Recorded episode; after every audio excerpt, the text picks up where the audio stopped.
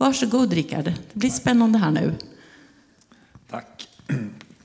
Tack Katarina.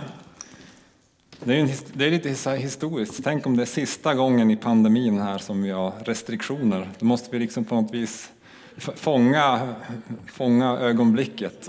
Du som är med på, på, på, på skärm där hemma också liksom, ja men det här är kanske något unikt.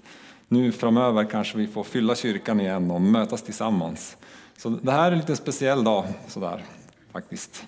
Eh, det är lite jobbigt också. Men, men lite kul. Man måste liksom tänka att det finns något kul med det så här idag, idag ändå. Det här med att Alltså när vi hör att restriktionerna släpper och att vi ska liksom få gå tillbaks till det normala så märker jag att det, det väcker en massa saker ursäkta, i, i mig och, och i andra. Jag såg att liksom resebyråerna säljer resor som bara den och det är fullbokat på alla konserter ända fram till midsommar typ. Och alltså allt är bara, alla bara är på allting så här. För att man, man längtar och man vill liksom komma tillbaks till någon sorts normalitet. Men, men i det här, och jag tänker det här är en bra söndag att, att prata om det också, att, att varna för alla de här måstena som så lätt dyker upp. För att det är så lätt att vi slänger oss tillbaks in i det, eh, det här livspusslet som har varit på paus under, ja, mer eller mindre under två år för en del av oss i alla fall. Eh, det är mycket vi vill, men då är det också mycket som vi känner att vi måste göra. Och det här är ju då dagens tema, att Eh, kärleken övervinner våra måsten. Men, men hur kommer det sig att vi känner, så snabbt känner att vi måste göra en massa saker? Eh, det har jag grubblat på lite i veckan och ska försöka dela med er eh, här. Och vem bestämmer vad jag måste? För vi måste ju se bra ut, eller hur? Det tycker vi alla. Och vi tycker att en del, Therese tycker att jag måste se bra ut också. Eh, vi måste vara lyckade, vi måste vara omtyckta, vi måste vara framgångsrika. Eh, vi måste göra karriär, vi måste ha en nyare bil eh, eller snabbare och vi måste och måste och måste en massa saker. Och alla de här måstena gör oss trötta för det, det lägger ju krav på oss när vi av någon anledning tycker att vi måste. Och ett sånt liv är krävande. Alltså, många här har en går en avancerad utbildning eller har gått en avancerad utbildning och då måste man ha ett avancerat jobb och man måste jobba väldigt mycket för att, för att lyckas med det här avancerade arbetet. Sen så måste man enligt eh, Socialstyrelsen ha minst 150 minuter pulshöjande aktivitet i veckan för att må bra. Eh, och så äta nyttigt ovanpå det. Och sen så är det liksom familjens aktiviteter om man har familj. För barnen måste ju bli hockeyproffs eller basketproffs. Eh, och, så där. och sen är det ju allt det där som vi vill göra. Och så on top of that, ovanpå det, så måste vi ju också göra en massa kristna saker i kyrkan. Så, och det här kan ju bli tröttsamt och det är mer än en som har lämnat tron på Jesus för att man har tyckt att den har känts krävande. Alltså att man måste en massa saker du skall och du skall icke. Liksom. Det, det är det man, man fångar från den kristna tron. Men jag ska visa idag att det inte alls behöver vara på det sättet. Måsten har alltså varit på paus, kanske, för en del av oss. Och nu drar de på igen. Och då behöver vi fundera på varför eh, måste jag så många saker? Och vad måste jag egentligen? Och vem bestämmer vad jag måste? Är det omvärlden? Är det chefen? Är det min fru? Är det jag? Eller vem, vem bestämmer vad jag måste och varför? I den här församlingen i Korskyrkan så har vi en värdering som säger att Jesus bestämmer. Eh, alltså bestämmer Jesus vad jag måste. Eh, men vad bestämmer han att jag måste då? Det är ju då frågan idag. Och är det goda nyheter eller dåliga? Det är också en bra fråga, eller hur? Så till dagens text, och nu ska ni inte tänka åh den här texten har jag hört så många gånger förr så att nu slår jag av. Liksom. Utan lyssna på den här texten för det finns några bra eh, grejer i det här och det är från Lukas 10, vers 38 och 42. Det handlar ju om Marta och Maria. Medan de, medan de var på väg kom Jesus in i en by och en kvinna som hette Marta tog emot honom i sitt hem. Hon hade en syster, Maria, som satte sig vid Herrens fötter och lyssnade till hans ord. Marta däremot var upptagen med alla förberedelser, bokstavligen mycket tjänande. Och hon kom fram och sa, Herre bryr du dig inte om att min syster har lämnat mig att sköta allting själv? Säg nu till henne att hon hjälper mig. Herren svarade henne, Marta, Marta, du bekymrar dig och oroar dig för så mycket. Men bara ett är nödvändigt. Maria har valt den goda delen och den ska inte tas ifrån henne. Herre, vi ber att du ska tala till oss genom den här texten idag. Hjälp oss att förstå vad du tycker att vi måste göra, Jesus. Amen. Eh, det här att hon var upptagen med förberedelser, alltså mycket tjänande. Alltså jag kan känna igen mig i det där och det tror jag att vi alla kan göra. Eh, jag ska stanna till först vid vad texten inte säger. För det, alltså, texten säger inte varför hon är upptagen med mycket tjänande och alla förberedelser och alla måsten. Och där tänker jag att vi behöver fundera på vårat. Varför, varför hamnar vi, varför hamnar jag i måsten? Och några, jag ska bara lista några vanliga saker som kan vara lite olika beroende på vem man är och vilken generation man tillhör och så. Men, men en sak som, som är vanlig att vi tycker att vi måste saker och har varit tvungna att göra en massa saker i kyrkan, det är plikt. Plikten framför allt var en gammal kung som hade som motto. Alltså Marta är stora syster, det är hennes hus. Och när Jesus kommer till hennes hus, då är liksom, hon skulle kunna resonera, det är min plikt att verkligen laga till något extra. Att tjäna Jesus och lärjungarna väl. Och alltså verkligen göra mitt bästa, för här kommer Jesus, han är en viktig person. Då är det min plikt att göra något bra av det. Att tjäna. Det andra kanske är, eh, som, som jag känner igen mig i, i mest, det är ju att visa sig duktig. Att jag tjänar för att jag vill visa att jag är en person som tar ansvar. Eh, och Marta, liksom till skillnad från hennes ansvarslösa lilla syster som bara sitter där och lyssnar på Jesus, så tar ju Marta ansvar. Och för att på något vis visa för Jesus och alla lärjungarna att ja, men jag är min sann duktig och ansvarstagande. Eh, och underförstått att jag gör det här också då för att Jesus ska välsigna mig och eh, tycka att det är bra. Det kanske är som det Jay predikade om förra söndagen, narcissism som driver henne. Vi vet ju inte riktigt, men det skulle ju också kunna vara så att hon tänker att åh, nu kommer Jesus här. Tänk om, det liksom, om, om jag nu bjuder honom på värsta middagen här, då kommer han att berätta för alla att jag var hos Marta, hon var, det, det är den godaste mat jag ätit någonsin.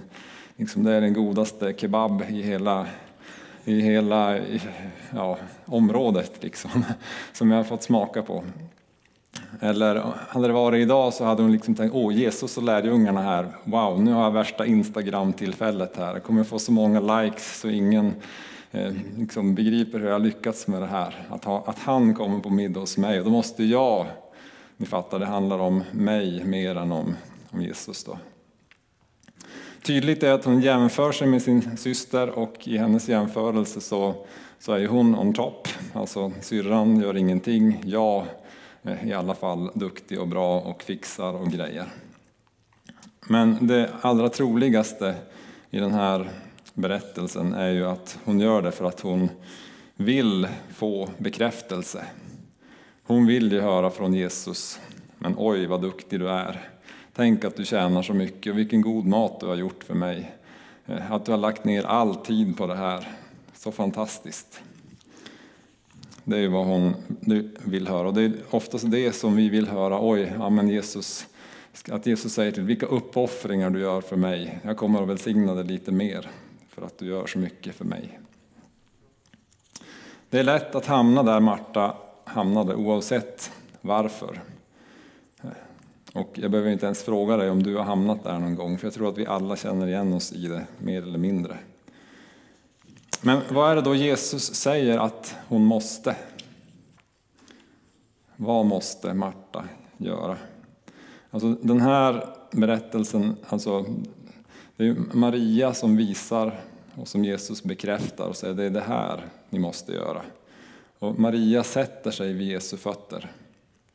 Det är ett litet ord här som i vissa handskrifter är utelämnat i den svenska översättningen och det är ordet också. Alltså att Maria också satte sig vid Jesu fötter. Så att det är fler än Maria där, det är lärjungar där. Det är, alltså Marta kanske satt där en stund men sen så drog hon iväg med alla sina förberedelser. Att sitta vid Jesu fötter är en bild på lärjungaskap. Att lyssna på Jesus, lyssna på hans ord, att se honom som mästare. Så det här är ju en inbjudan in i lärjungaskap. Att lära sig av Jesus, att höra hans ord. Och det, det är det här måstena handlar om. Att sätta Jesus och hans bud först. En teolog som en del av er känner till, bibelforskare Tommy Wasserman har skrivit mycket om just den här bibeltexten och pekar på att i vissa handskrifter så, så är det några ord som, som, finns, som inte finns med i den svenska översättningen. I svenskan så står det men bara ett är nödvändigt. Eh, I New International Version på engelska så har man tagit med hela meningen där det står Few things are needed or indeed only one. Alltså det är ändå få saker som är nödvändiga. Alltså det finns ju saker som är nödvändiga men egentligen så är det bara en sak som är nödvändig. Och det är en lite större bredd åt den här texten, den blir inte riktigt lika svartvit kanske. Men det är fortfarande samma poäng att det är något som är viktigare som det andra behöver förhålla sig till. Och det är det Jesus pratar om och det är det Maria har valt och som är den goda delen.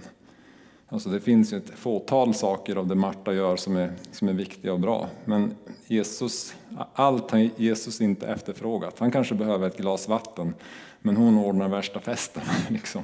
Va, va, vissa saker kan vi behöva göra förstås, men underordnat lärjungaskapet och efterföljelsen av Jesus.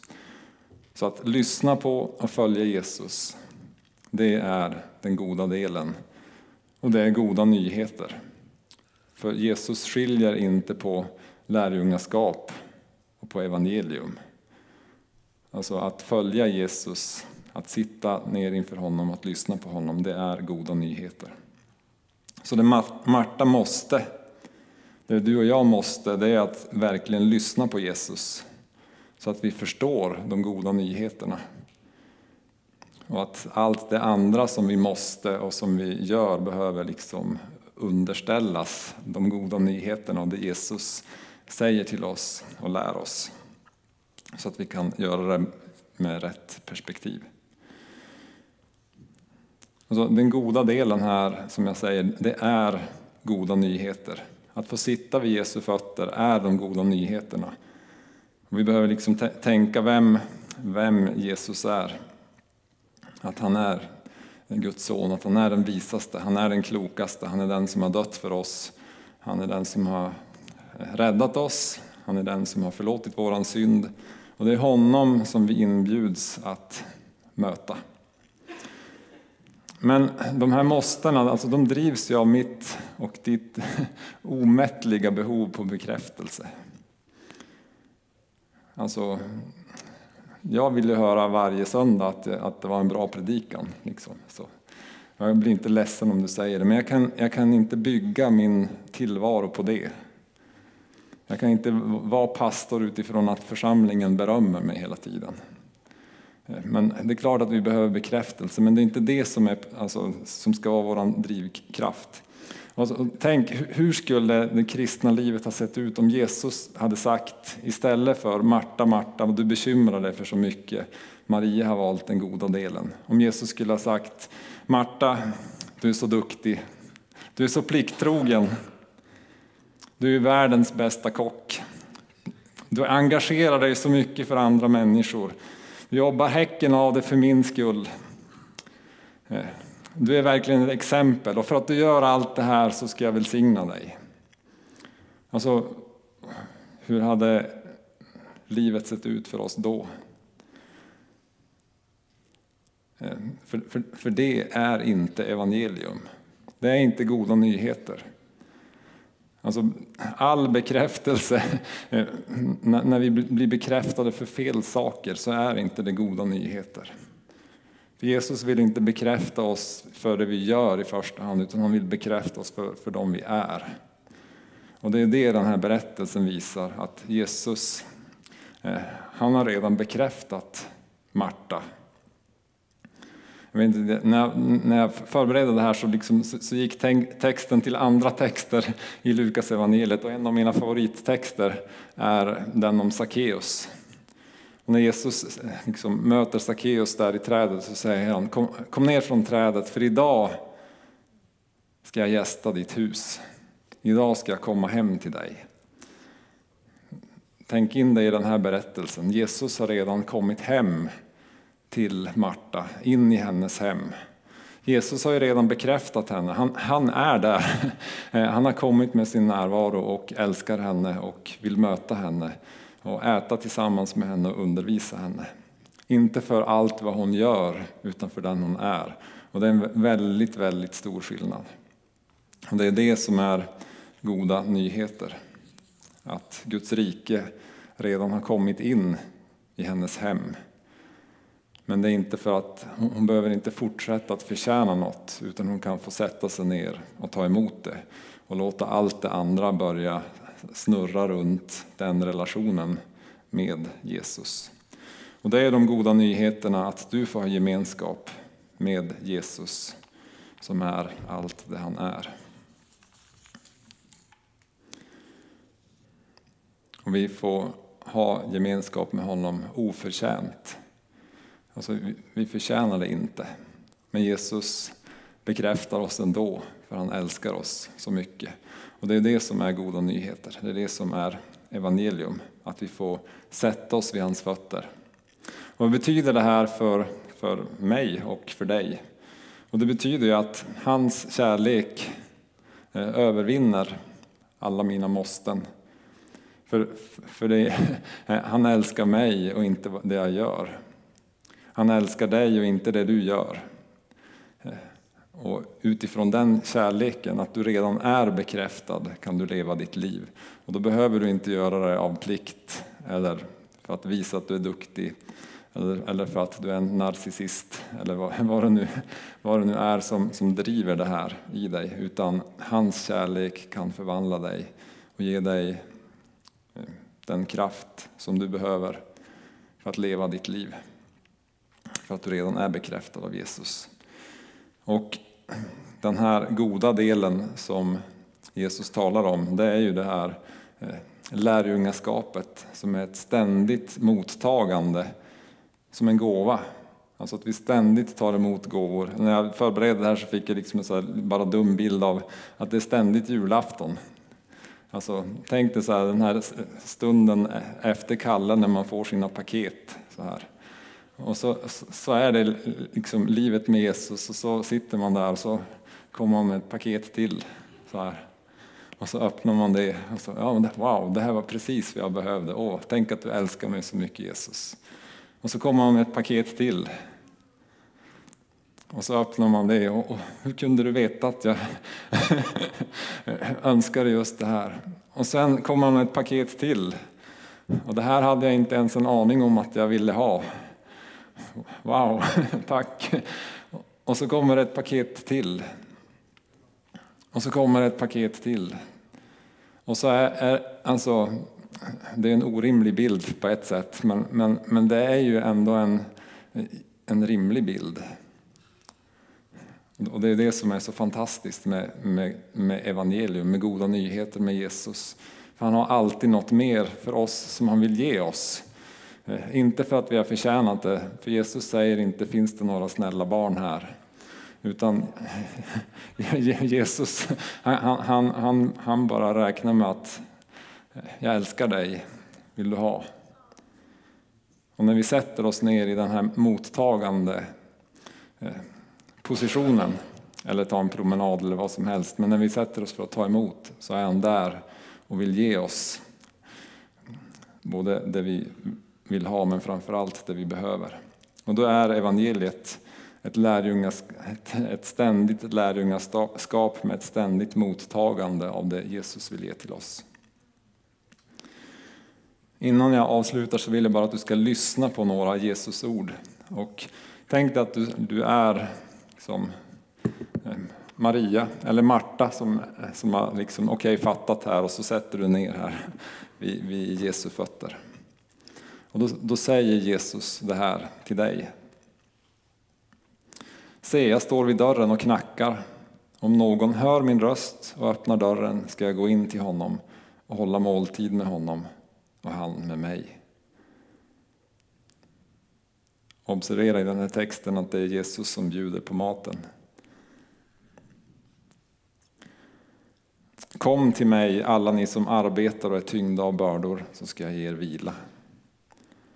Ta på er mitt ok och lär av mig för jag är mild och ödmjuk i hjärtat. Då ska ni finna ro för era själar. För mitt ok är milt och min börda är lätt. Jesus säger också, sök först Guds rike och hans rättfärdighet så ska ni få allt det andra också. Idag så är en dag när du kan komma till Jesus nu, några dagar innan restriktionerna lyfts. Eh, lägga ner det som driver dina måsten. Ta emot det Jesus vill ge dig. Slå dig ner bredvid eh, Maria och jag antar också att Marta satte sig där till slut. Sitta ner bredvid dem i gemenskapen, i nåden, lyssna på hans röst. Och lyssna in, vad säger Jesus till dig? Jag tror att du kan säga till, till Jesus idag när vi går vidare i gudstjänsten här eller när du kommer hem eller du som redan sitter hemma. Jesus, vad säger du till mig idag? Vad är det du säger att jag måste? Vad vill du i mitt liv nu och det närmsta halvåret? Och det är det som är nödvändigt om du frågar honom. Amen. Jesus, vi ber att du ska svara på den här frågan idag. När vi ärligt kommer till dig och frågar vad, vad är det vi måste?